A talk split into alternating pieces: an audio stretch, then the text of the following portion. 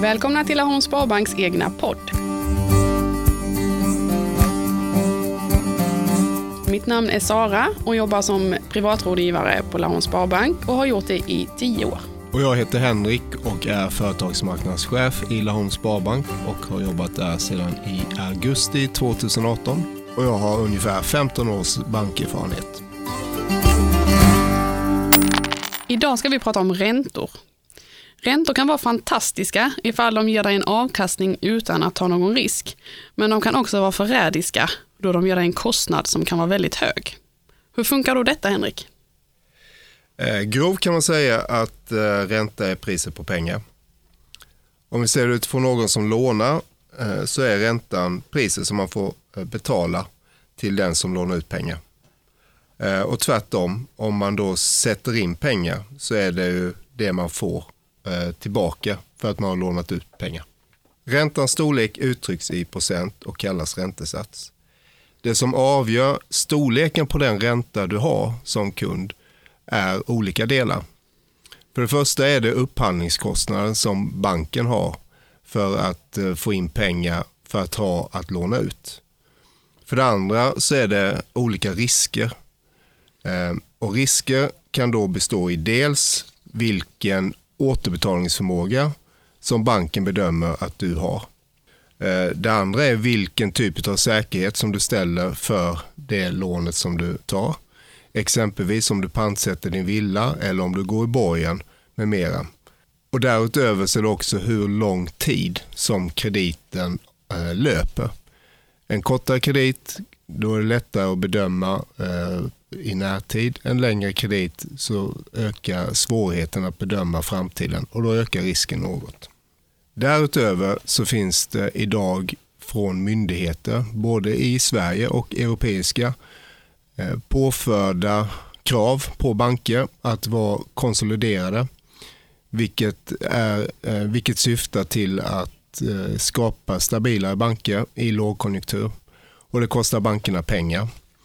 Det gör att man som bank lägger på ett extra påslag utifrån de konsolideringskraven som myndigheterna har. Och slutligen så är det någon form av vinst som bankerna vill ha, som alla typer av företag. Och vinstpåslaget är ju självklart då konkurrensutsatt. Så ibland så är det större och ibland så är det mindre. Det finns flera olika räntebegrepp och de två som är vanligast är nominell ränta, vilket är den ränta som långivaren tar ut för ett lån. Nominell ränta är också den ränta du får ifall att du placerar kapital på ett konto. Effektiv ränta är den nominella räntan plus alla avgifter och kostnader som tillkommer på lånet. Exempelvis uppläggningskostnad och aviseringskostnad. Den effektiva räntan anges alltid som årsränta i procent och vi kommer återkomma med ett exempel just med den effektiva räntan senare.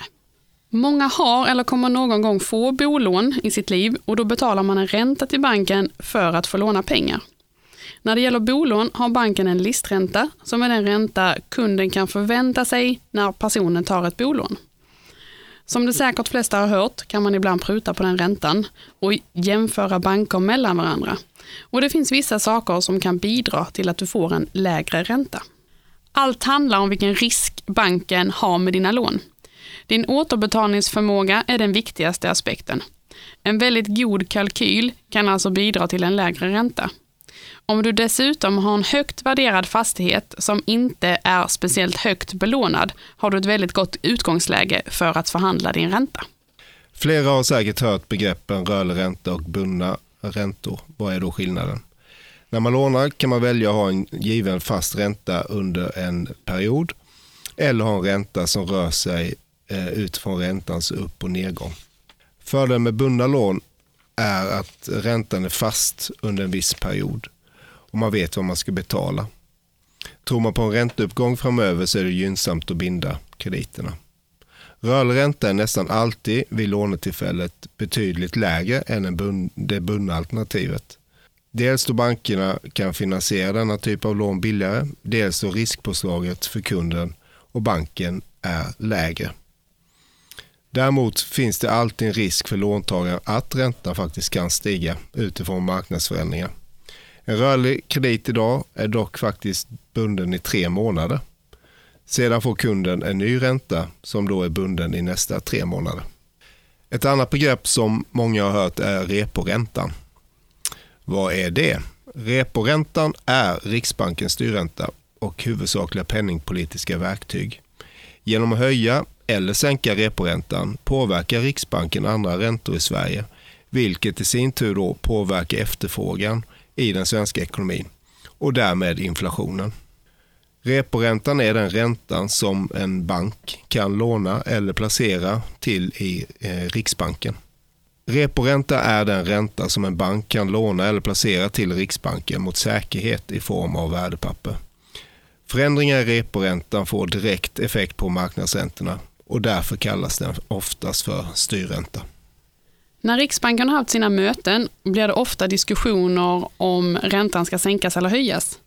Men varför är det då så att ifall att Riksbanken sänker reporäntan så får det inte alltid direkt effekt på min egen ränta? Varför är det så? Ja, ska man försöka förklara kan man säga att banker lånar upp pengar på olika löptider av bland annat Riksbanken för att sprida sina egna risker. Och de här pengarna använder man sedan då för att låna ut till kunder utifrån kundens egna önskemål. Om alla kunder exempelvis då vill ha rörliga lån så paketerar bankerna om all, all sin form av upplåning, lång och kort, så att det passar kunderna eh, och får någon form av kort rörlig löptid. Så när Riksbanken sen sänker sin reporänta sitter bankerna med en viss fördröjning då delar av deras egna lån är bundna. Kunden har ibland svårt att förstå logiken med fördröjd sänkning men detta är faktiskt en starkt bidragande orsak. Reporäntan är bland de lägsta räntorna som finns på marknaden idag. Ska vi gå ut i andra änden så har vi då så kallade snabblån och sms-lån. Eh, Sara, kan du berätta mer vad det är och även det här begreppet effektiv ränta som jag tror många inte riktigt har koll på? Absolut. Man kan säga sms-lån är en del av snabblån och det har blivit allt vanligare i Sverige och tyvärr används de väldigt flitigt. Ett sms-lån innebär att man via sin telefon kan smsa för att låna pengar under en kortare period, ofta 30 60 dagar. Dessa lån har ofta en väldigt, med betoning på väldigt hög ränta. Det är långivaren som bestämmer vilken ränta han vill ta ut ifrån kunden och tidigare har detta inte varit alls reglerat. Sen i september 2018 kom det en ny regel i konsumentkreditlagen som skyddar oss lite mer nu än förr. Sms-lån tillhör det lån som kallas för högkostnadslån. Eh, och nu finns det då en reglering som innebär att företagen får max ta ut en ränta som är 40% över referensräntan. Referensräntan sätts av Riksbanken en gång i halvåret och för närvarande är den minus 0,5 det innebär alltså att långivaren kan ta ut en ränta från kunden på 39,5% Ifall konsumenten inte betalar får företaget ta ut en dröjsmålsränta på ytterligare max 39,5 procent. Sedan denna regel kom i september 18 är konsumenten även skyddad till så pass att kostnaden för lånet får vara max dubbelt så hög som själva lånet du tog från början. Alltså, tog jag ett lån på 15 000 får jag max betala tillbaka 30 000 till långivaren. Men som jag nämnde innan, man ska alltid jämföra den effektiva räntan.